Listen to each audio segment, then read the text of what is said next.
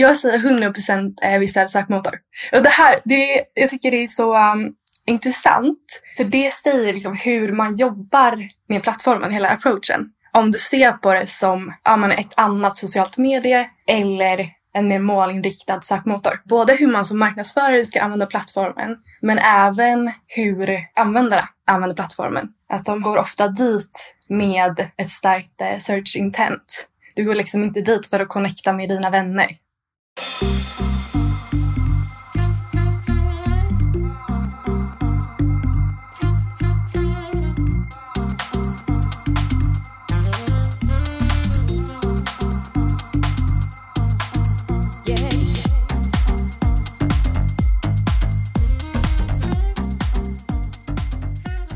Välkommen tillbaka till Digital marknadsföring med Tony Hammarlund. Det här är en podd där jag intervjuar branschexperter och marknadsförare för att lära mig mer om digital marknadsföring. Mitt mål med podden är att bli en bättre marknadsförare och samtidigt dela med mig av intressanta samtal med några av Sveriges bästa marknadsförare. Pinterest är en plattform som växer starkt och som skiljer sig markant mot övriga sociala nätverk. Och frågan är till och med om det är det eller en sökmotor.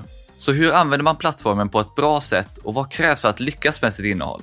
För att svara på det så bjöd jag in Maria Paulsson som har specialiserat sig på Pinterest och som är en av Sveriges främsta experter på området. Hon driver sedan ett par år tillbaka en marknadsföringsbyrå som helt fokuserar på Pinterest. Utöver kundprojekt så föreläser Maria också mycket för både företag och olika utbildningar kring plattformen. Och det var riktigt intressant att höra om såväl Pinterest i sig som hur Maria arbetar tillsammans med sina kunder. Och jag håller tummarna för att du också gillar det. Vi pratar i avsnittet om hur man använder Pinterest som plattform på ett bra sätt och varför man bör se det som en visuell sökmotor snarare än ett socialt nätverk. Du får bland annat höra hur användarbeteendet ser ut på plattformen, vad många marknadsförare missförstår, exempel på företag som lyckas väl på Pinterest, Marias process för att ta fram en strategi, hur man gör sin sökordsanalys på rätt sätt, vikten av bra struktur för sitt innehåll och hur man sökmotoroptimerar på Pinterest. Maria delar under intervjun mängder med bra tips och best practice, inte minst kring innehållsskapande för Pinterest och vilken typ av innehåll som fungerar allra bäst. Du hittar som vanligt länkar och andra resurser vi nämner i poddenlägget på tonyhammarlund.io. Där har Maria bland annat samlat ihop ett gäng med exempel på olika företag som jobbar bra med Pinterest och länkar för vidare läsning. Du hittar även länkar till Pinterest Trend Tool och rapporten Pinterest Predicts, så du behöver inte anteckna. Efter länkarna så hittar du självklart även tidsstämplet till olika sektioner i intervjun. Och glöm inte av att prenumerera på nyhetsbrevet. Innan vi kör igång poddavsnittet så vill jag passa på att presentera e-commerce recruit som är ny sponsor och jobbpartner till både podden och nyhetsbrevet. Om du lyssnar på den här podden och är intresserad av jobb inom e-handel och digital marknadsföring så borde du verkligen kolla in deras webbsida. De är experter på jobb inom de här områdena och har alltid spännande tjänster och uppdrag ute. Så gå bara in på e-commercerecruit.se och kolla in deras lediga tjänster. Kanske hittar du drömjobbet och nästa steg i karriären. Tack e-commerce recruit för att ni är med och sponsrar podden. Nu tycker jag att vi startar intervjun. Och Maria börjar med att förklara hur hon ser på Pinterest och om det är en sökmotor eller ett socialt nätverk. Jag säger 100% visuell sökmotor. Och det här, det, jag tycker det är så um, intressant. För det säger liksom hur man jobbar med plattformen, hela approachen. Om du ser på det som ja, ett annat socialt medie eller en mer målinriktad sökmotor. Både hur man som marknadsförare ska använda plattformen men även hur användarna använder plattformen. Att de går ofta dit med ett starkt eh, search intent. Du går liksom inte dit för att connecta med dina vänner och liknande. Så vilken roll ser du att Pinterest fyller om du jämför då med de andra sociala nätverken som finns? Huvudsakliga liksom, syftet är ju inspirerande. Men att du söker dig dit för att du vill någonting. Inte kanske för att du öppnar Facebook eller Instagram för att spendera tid, utan mer att du ska inreda hemma. Då letar du efter just inredning. Eller du vill hitta nya outfits till sommaren. Att du har lite tydligare fokus, att du går dit för att du vill någonting. Är det primärt för inspiration som du är inne på eller finns det även andra sätt som man kan använda plattformen? Jag skulle säga primärt för eh, inspiration och köp. Att liksom shoppa, leta nya varumärken, produkter. Men det är svenska, nordiska marknaden. Men jag började faktiskt jobba med amerikanska kunder första halvåret. Det var så jag kom in på Pinterest. Och där använder man det på ett lite annat sätt. Mycket för att istället för att söka, googla upp information, så söker du mycket längre termer och liksom frågeställningar direkt i Pinterest för att få upp artiklar som länkar vidare till hemsidor och bloggar och använder det som ett skyltfönster. Och det tycker jag är intressant för jag ser inte lika många svenska företag som jobbar med det målet. Vad skiljer då mellan Pinterest och Instagram som annars är ett väldigt visuellt media? Jag skulle säga att syftet skiljer sig. Varför användaren söker sig till plattformen. Så till exempel Instagram, då är det ju även hitta produkter, inspiration, men det är också för att följa profiler och influencers. Medan Pinterest, även om de har vissa sociala inslag, så är det största att du söker dig dit för inspiration, upptäcka nya produkter, eh, hitta nya varumärken. Så det är inte lika personfokuserat. När vi ändå pratar om det där, så vad anser du att marknadsförare missförstår mest med plattformen och varför har inte Pinterest fått mer fäste än vad det har fått i Sverige? Ja, men det är en jätteintressant fråga. Där känner jag att jag har många, jag har många punkter jag skulle kunna upp. Generellt så ser jag några tydliga mönster. Och det jag skulle säga är väl det första är väl just det som vi började prata om. Att man ska se Pinterest som en sökmotor. Att där marknadsförare kanske lägger upp en eh, post som har gått jättebra på Instagram med supersnyggt visuellt, en jättefin bild, men missar SEO-möjligheten och kanske copy-pastar caption från Instagram. Det ser jag ganska ofta, vilket är synd.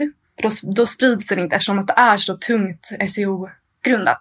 Samma sak med bilden. Om du tar direkt från Instagram då blir det ju en kvadratisk bild. Men som du kanske sett på Pinterest så vill du ha de här avlånga bilderna. Så att SEO, att man har fel bildformat och sen att man inte tänker på strukturen.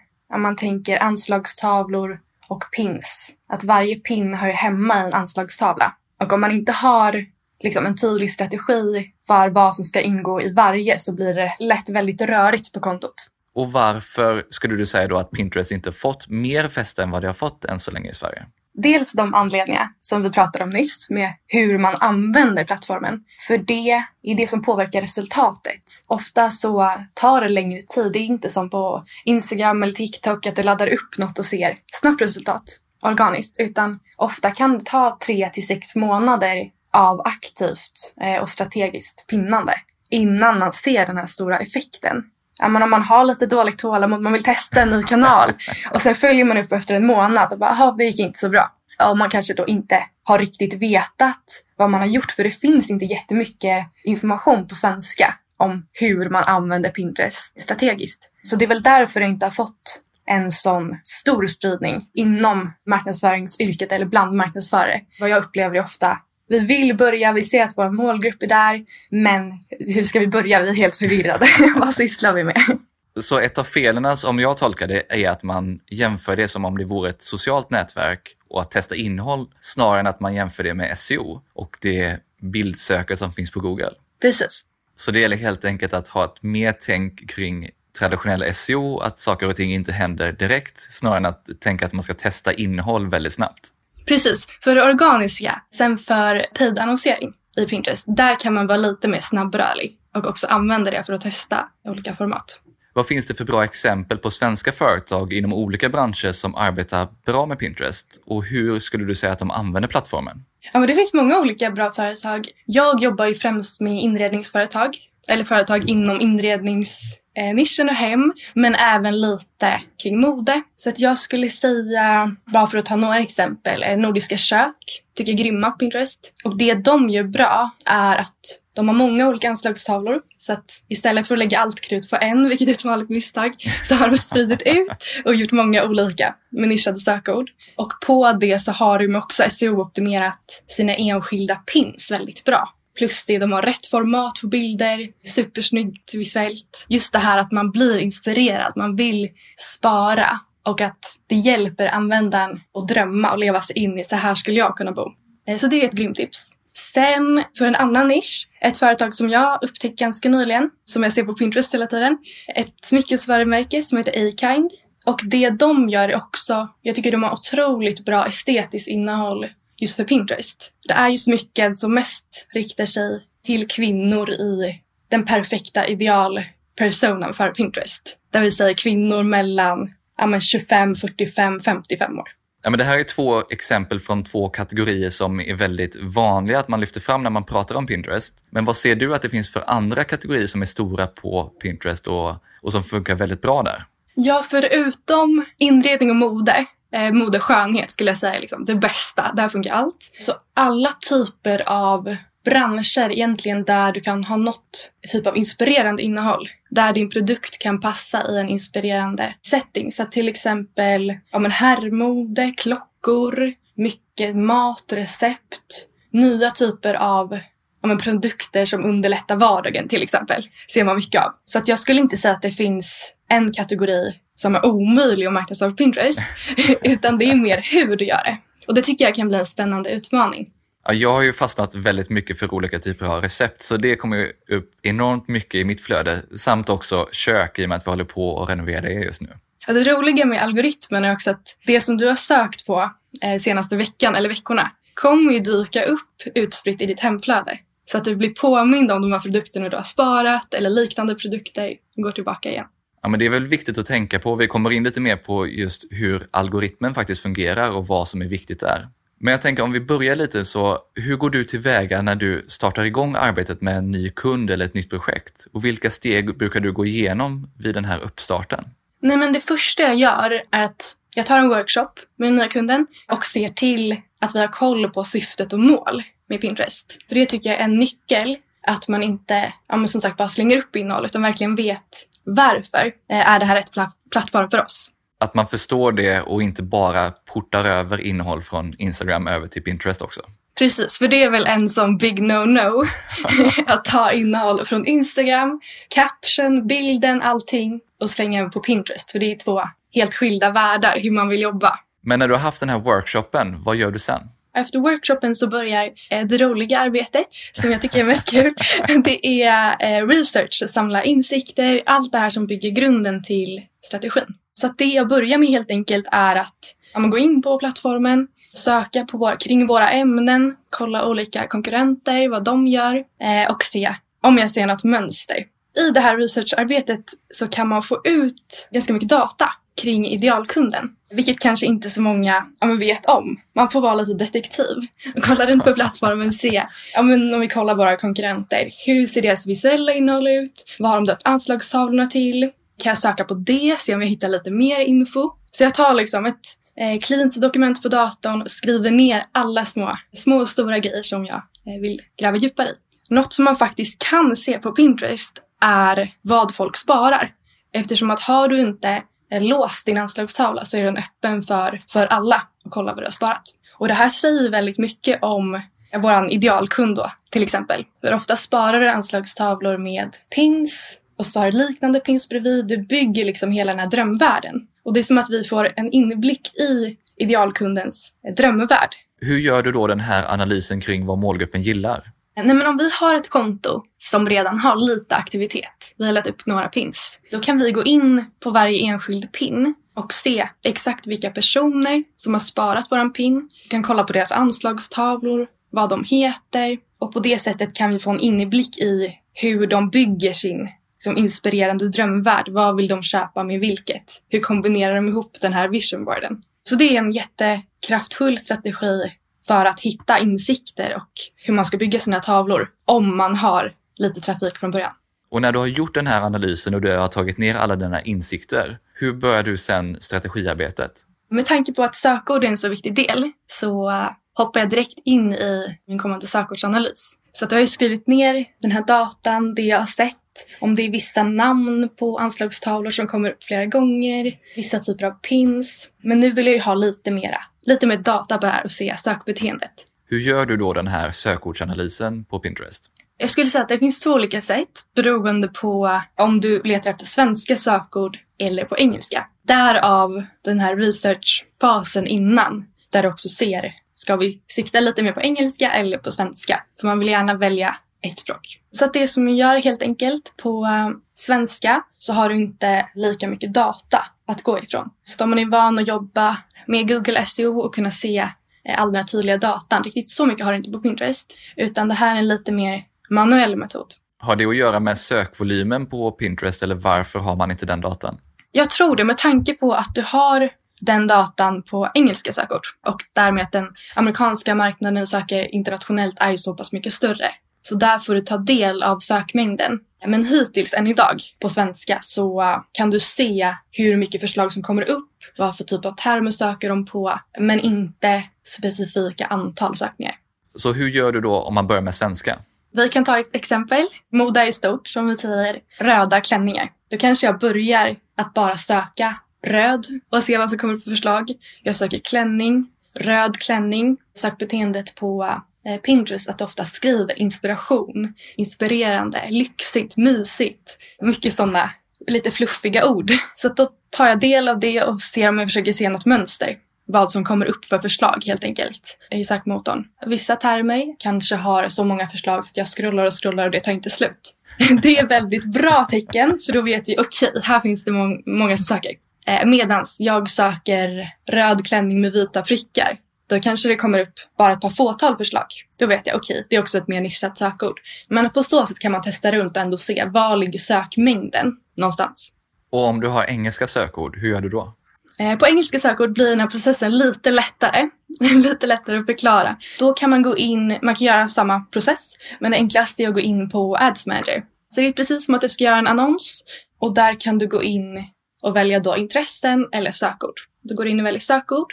Så har vi också en liten sökruta där, där du kan söka och sen kommer upp eh, förslag på liknande eller relaterade sökningar eh, där du ser sökmängden. Och då kan det vara allt från 5 miljoner plus eller 5 till 10 000 sökningar. Eh, och det är då per månad globalt, alltså i hela Pinterest. Det är därför du kan ta del av den här datan. Och när du har gjort den här sökordsanalysen, oavsett om du gör den på svenska eller om du gör den på engelska, vad går du vidare och gör inom strategin utöver det? Eh, nej, men efter jag har sökordsanalysen klar så vill jag också i strategin ha med det visuella. Så att hur jobbar vi med, eh, med content helt enkelt? Har vi, och då kollar jag på, på kunden och liksom frågar dem i den här inledande workshopen. Vad för typ av content har ni inhouse till exempel? Är det mycket rörligt? Är det stillbilder? Finns de i till exempel storyformat eller stående format? Och utifrån det, det är sånt innehåll man gärna vill ha. Rörligt och stående eh, är det bästa. Målet när jag gjort strategin är att ha, vi har en sökordsanalys, i alla fall det vi utgår ifrån och sen utvecklas det hela tiden. Vi har det här visuella bildspråket och vilket typ av content vi har. Och sen, baserat på det kommer vi till lite mer strukturen, alltså planen för anslagstavlor. Ja, för det var min nästa fråga. Det var just hur går man från att ha gjort den här sökordsanalysen och se lite vilka både breda men också smala sökord som finns och man vet lite mer vilken typ av innehåll ska vi jobba med. Hur gör man en bra struktur för det? Hur dokumenterar man det här på ett bra sätt? Så att när vi har hela den här strategin, våra insikter som vi har fått, det som jag börjar för att få det här lite mer konkret och praktiskt är att bestämma eh, våra typer av anslagstavlor. Och då har vi sökordsanalysen framför oss. Jag eh, brukar göra ett vanligt Excel-dokument och sen så vad för typ av content har vi? Liksom sweet spot däremellan beroende på vad för content har vi och vilka sökord vill vi rikta in oss på. Där ligger vilka anslagstavlor vi skapar.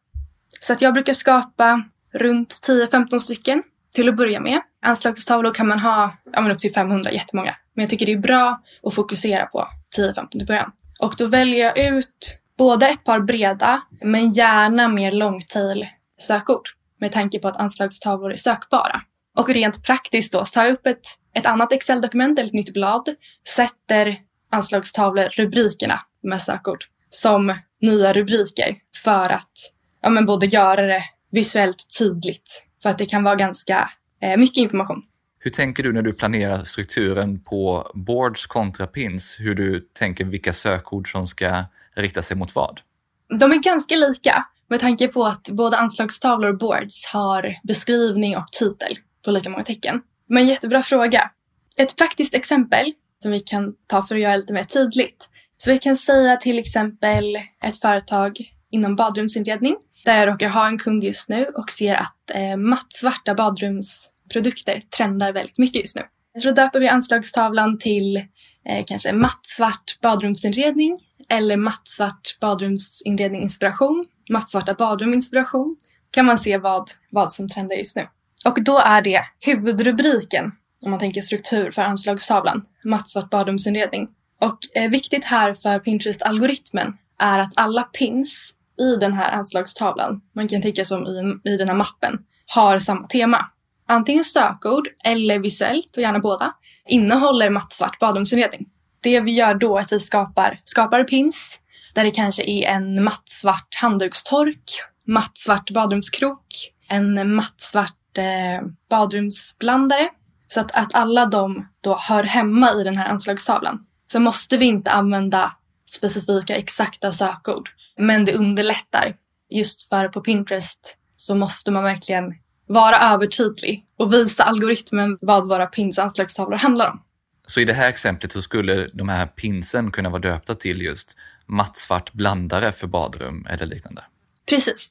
Eh, och det man kan göra, man har så pass många tecken, så ett litet hack är att använda ett sånt pipe-tecken och sen kan du få in ett brett sökord i titeln på pinsen. Så till exempel om vi fortsätter på samma.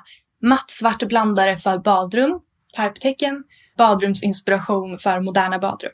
Till exempel. Så man boostar upp pinnen genom att både ha det tydliga med nischade söket och sen få in ett lite bredare. Hur gör du sen för att dokumentera allt det här, vilka anslagstavlor eller boards du har och vilka pins du har i de här? Ja, men jättebra fråga, för det, är, det kan som sagt 10-15 anslagstavlor, inte så mycket, kan man hålla i huvudet. men har man många kunder och sen börjar det växa med anslagstavlor, då vill man gärna ha det nedskrivet. Eh, och särskilt om, om det är någon annan inhouse som tar över. Dokumentation är jätteviktigt. Vad jag har utöver sökordsanalysen eh, och det här Excel-dokumentet med sökord för specifika anslagstavlor är även, brukar jag skapa per kund, ett blankt dokument, bara vanligt i Google Docs. Och där sparar jag namnet på anslagstavlan och beskrivningen. Så att de har jag skrivit där innan, innan jag för över dem till Pinterest för att ha det allt samlat. Jag skulle inte säga att jag eh, dokumenterar specifika pins, just för att det blir otroligt mycket. Utan själva anslagstavlorna, vilken typ av, av vinkel vi har på dem. Är det väldigt produktfokuserat? Är det väldigt inspirationsfokuserat?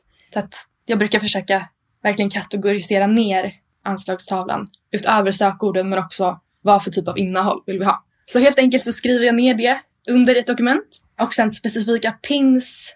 Det följer jag både i Pinterest Analytics, men jag tycker det är väldigt bra. Där kan man se, ställa in liksom på olika tid, till exempel senaste veckan, senaste månaden, se vilka pins som trendar. Kan vi se om det är repins eller om det är våra egna pins.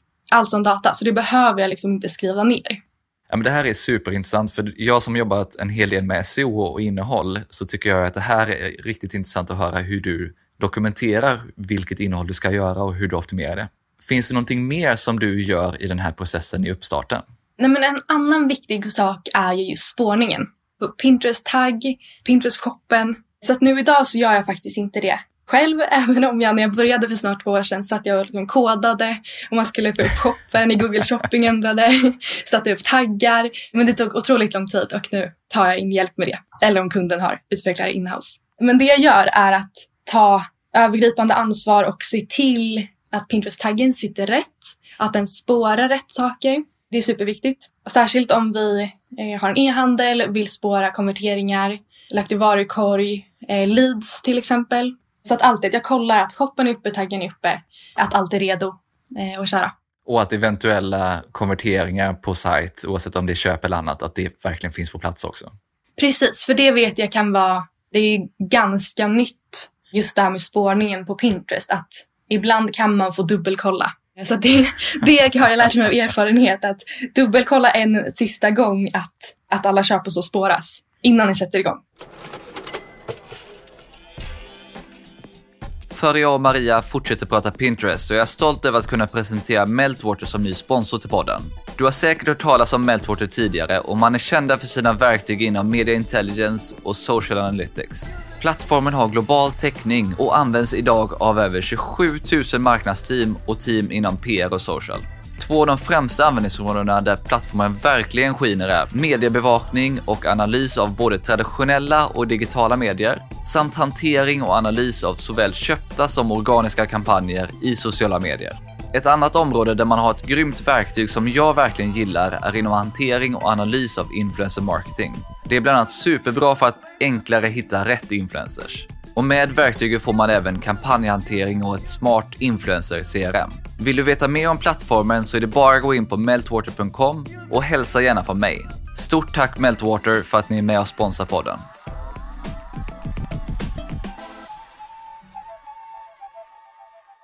Om vi kommer in lite mer på SEO som vi har pratat om en del redan.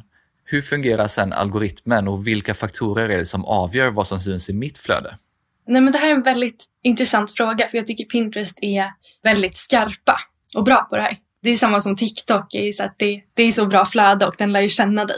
Och lite samma sätt, Pinterest lär ju känna dig på ett smart sätt. Det som algoritmen tar in är ju lite olika punkter, men något som väger tungt är tidigare sökhistorik. Värt att nämna är att du har, du har ju två flöden, eh, hemflöde och sökflöde. Så om vi tänker på hemflödet då, mer algoritmen styr. Så vi pratade tidigare om att du har hållit på att renoverat hemma. Om vi tänker att du har haft en period när du verkligen vill söka efter en beige soffa. Sökt jättemycket kring det. Och det här var två veckor sedan eh, och nu så är du istället sugen på en lädersoffa. Något helt annat. Då kommer du fortfarande få upp den här beiga soffan. För att det är ett beteende som du har haft tidigare.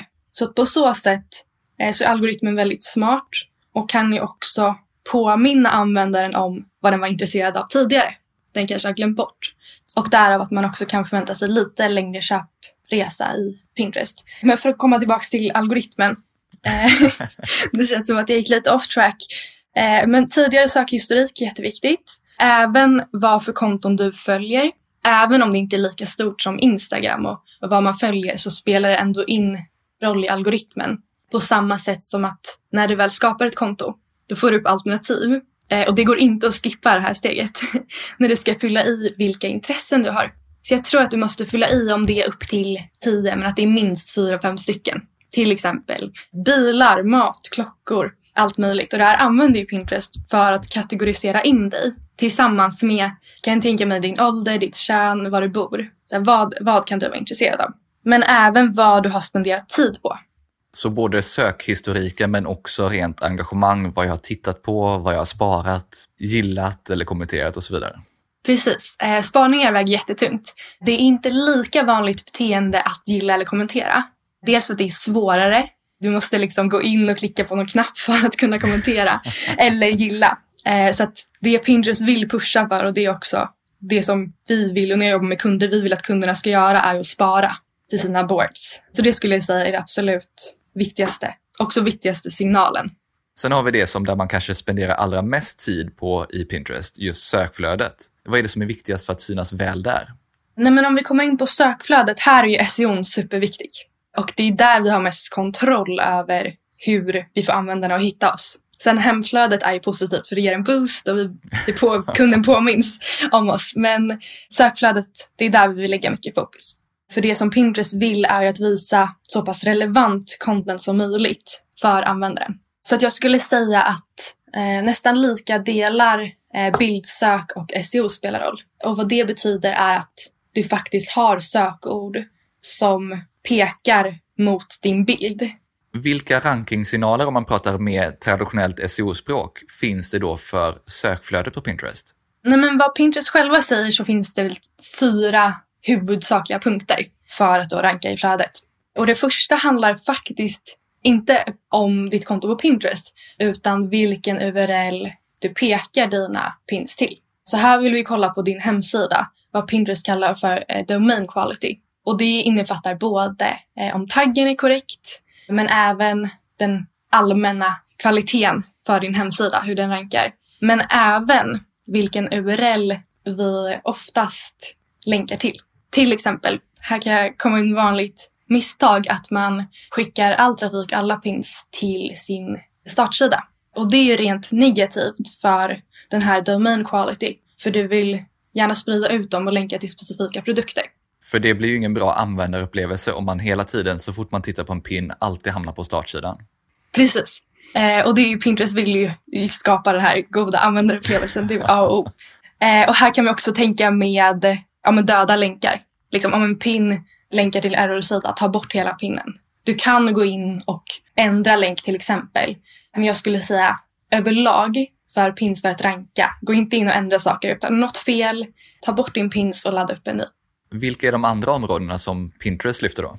De andra områdena är bland annat något de kallar för pin quality, alltså kvaliteten på din enskilda pin på plattformen. Och där har vi både SEO och hur relevant din SEO är till den specifika pinnen, eh, vilket format din pin har, där vi gärna vill ha de här vertikalt stående pinsen. Är den högupplöst? Har du SEO-optimerat på alla, alla olika platser du kan på din pin? Hur tydlig är du? Så att själva pinkvaliteten. Eh, och sen det tredje området, det här tycker jag själv är väldigt intressant.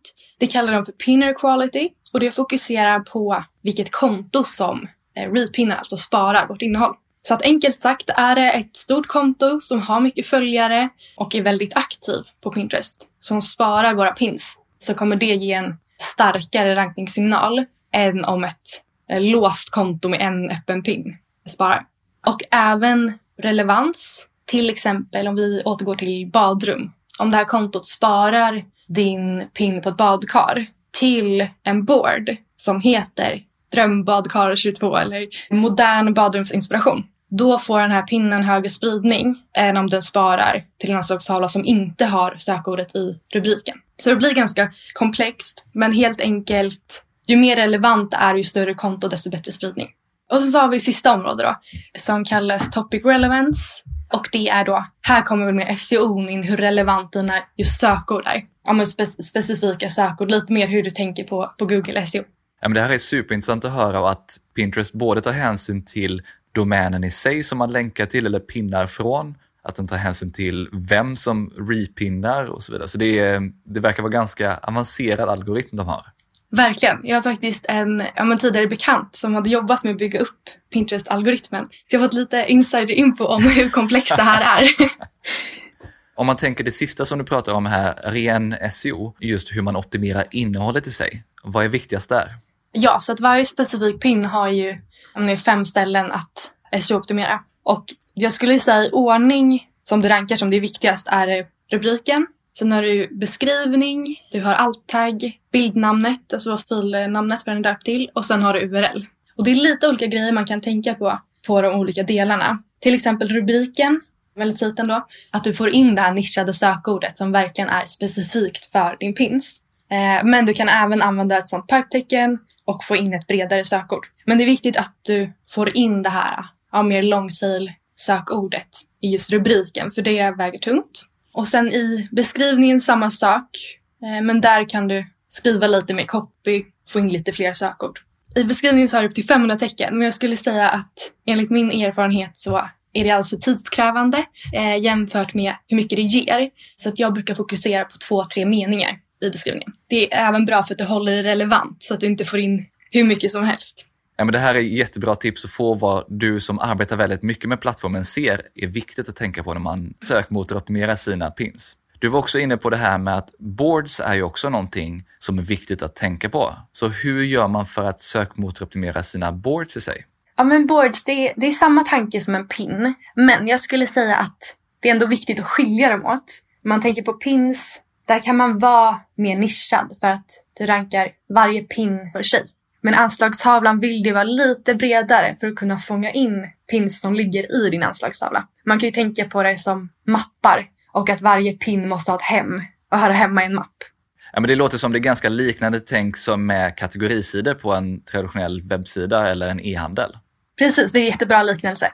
Det man kan tänka på på anslagstavlor är lite eh, liknande som det vi pratar om, hur man SEO-optimerar pins att man inte använder ett sånt pipetecken och mer sökord utan du har liksom en sökterm som rubrik. Just för att göra det tydligt. För det har Pinterest själva gått ut med att det är en stor del av algoritmen. Om din pins innehåller samma sökord som din eh, rubrik på anslagstavlan gör. Och man kan tänka lite mer på tonalitet på copyn eftersom att det syns. Högst upp på anslagstavlan så ser du beskrivningen eh, och rubriken syns ju redan på profilen. Du har lika många tecken så att du har 500 tecken i beskrivningen på anslagstavlan. Och till skillnad från pins, där är så att man inte behöver maxa, skulle jag verkligen maxa det här på anslagstavlan. ja, men då kommer vi in lite mer på innehållsskapande. Så hur ska man tänka där när man skapar sina pins och vilken typ av innehåll ska man arbeta med? Men vi kan gå in på lite så best practice, vad jag brukar tänka på. Till exempel formatet. Där vill vi ha 2 till 3, vilket är ja, men enkelt eh, 1000 gånger 1500 pixlar. Det är väl standardformat i Pinterest. Eh, gärna rörligt. Det är som övriga plattformar, rörligt funkar jättebra. Särskilt lite mer kortare format. Gärna 10-15 sekunder. Men att tänka på är att man vill ha då det här rörliga formatet som funkar utan ljud. För att eh, i Pinterest måste du gå och klicka på ljudet så att automatiskt kommer det vara ljudlöst. Så man vill inte ha content som är liksom tungt, att det grundar sig på att det måste ha ljud. Hur ser då den perfekta pinnen ut enligt dig? Nej men den perfekta pinnen, man får drömma fritt. På bilden, om man tänker det visuella, om vi har en produkt, till exempel smycken kanske. Jag skulle inte välja en produktbild, utan hellre en lifestyle-bild där produkten är med, men den är inte, den måste inte vara liksom centrerad i fokus. Det är väl en, en perfekt pin, att den är minimalistisk, väldigt snygg, högupplöst, framförallt inspirerande. Sen copymässigt, om jag tänker när jag skapar pinsen, skulle jag ha en ja, men nischad sökterm i rubriken, dela av pipetecken och sen ha ett bredare sökord. I eh, beskrivningen två till tre meningar och sen så skulle jag skippa hashtags som är en jätteviktig punkt som jag skulle vilja trycka på. Vanligt misstag att man slänger in hashtags, men det är ett big no-no för just Pinterest. Ja, det är väl rent av negativt för att ranka sina pins? Eh, ja, förut för några år sedan, då kunde man lägga till hashtags och de var sökbara, men numera klassas det som spam. så det är ju bra att ha i åtanke att eh, Pinterest är ett spamkänsligt så att man vill inte heller så pusha ut hur mycket content som helst på en gång utan schemalägg det liksom så att det blir lite space mellan och absolut inga hashtags. Sen finns det ett ganska nytt format som är de här idépinsen. Hur använder man dem på ett bra sätt? Ja, precis. Nej, men jag älskar idépins. Eh, det är mitt bästa hack just nu. Det märker man också med Pinterest själva. Hur vanliga pins börjar få lite mindre spridning just för att de pushar på idépins och det syns i varje flöde högst upp. Det man kan tänka på idépins, du har inte lika mycket SEO-möjligheter. Du har inte beskrivning och så som SEO-optimeras. Men där har du en rubrik. Så det viktiga är att, att få in sökorden i den. Själva innehållet, liksom idépinsen i sig, där har vi storyformat, så det är samma som Instagram story till exempel. Jag har sett många som crosspostar TikToks och liknande. Men just det här eh, också att du vill inte ha med TikTok-stämpeln. Så om du gör det får man göra det smart. Ja, för det känns ju som en mix mellan en story och en TikTok. Precis. Så att själva innehållet det är väl som övriga plattformar just nu, att man vill ha det här short content i form av rörligt. Eh, så samma typ av innehåll funkar jättebra. Men om man tänker hur den här får spridning, det är eh, det viktiga och det som jag tycker är intressant för det skiljer sig. Eh, idépinsen är ju sökbar, men istället för att ha den här SEO-optimerade liksom beskrivningen, bildtagg, allt sånt där. Det har du inte, men du har tio stycken taggar. Och de här taggarna kan du inte hitta på själv, utan det är Pinterests egna underkategorier. Så du kan välja ut tio stycken. Och det här kan faktiskt bli ganska roligt om man jobbar på svenska, för de är direkt översatta. Eh, så det här är Pinterest-algoritmens liksom underkategorier ibland är det så konstig, så konstig svenska. De är det som avgör vilken spridning din idépins får. Eh, du kan använda tio stycken, så där rekommenderar jag verkligen att använda maxantal. Och de här idépinsen är ju någonting som man verkligen måste börja testa för att det får ju väldigt stor spridning på Pinterest nu i och med att det är ett nytt format. Och att tillägga är att första 48 timmarna eh, så får de en extra boost. Men sen lever de kvar, du får välja anslagstavla och allting. Så att de lever kvar som en vanlig pin efter det. Men då har de fått den här enorma boosten. Bara för att ta ett kanske exempel för att se storheten i det här. Om på svenska, då kanske man laddar upp en, en vanlig pin och första dygnet, det tar ganska lång tid när den får spridning. Eh, så första dygnet kanske den har 50-100 visningar. Och sen ökar det allt eftersom. Medan idépinsen kan ha 23 000 visningar på liksom tre timmar. Så att det säger hur mycket den pushas ut eh, som innehåll. Så att om man bara ska ta med sig ett tips liksom från vårt snack nu så skulle jag säga idépins. Eh, 100%. Vi ska inte gå in på det helt och hållet för det är ett avsnitt i sig. Men hur jobbar du vanligtvis med betalt i din strategi? Eh, för alla mina kunder idag så jobbar jag både organiskt och betalt. Och det intressanta är att de verkligen kan ge varandra spridning, boosta varandra. Eh, nej, men det finns fördel att jobba organiskt även om man som mål har att jobba mycket med betald annonsering på Pinterest. Just för att alla annonser måste finnas som en organisk pin innan. Och då tjänar du jättemycket på att SEO-optimera den här organiska pinsen innan du stoppar in den i en betald kampanj.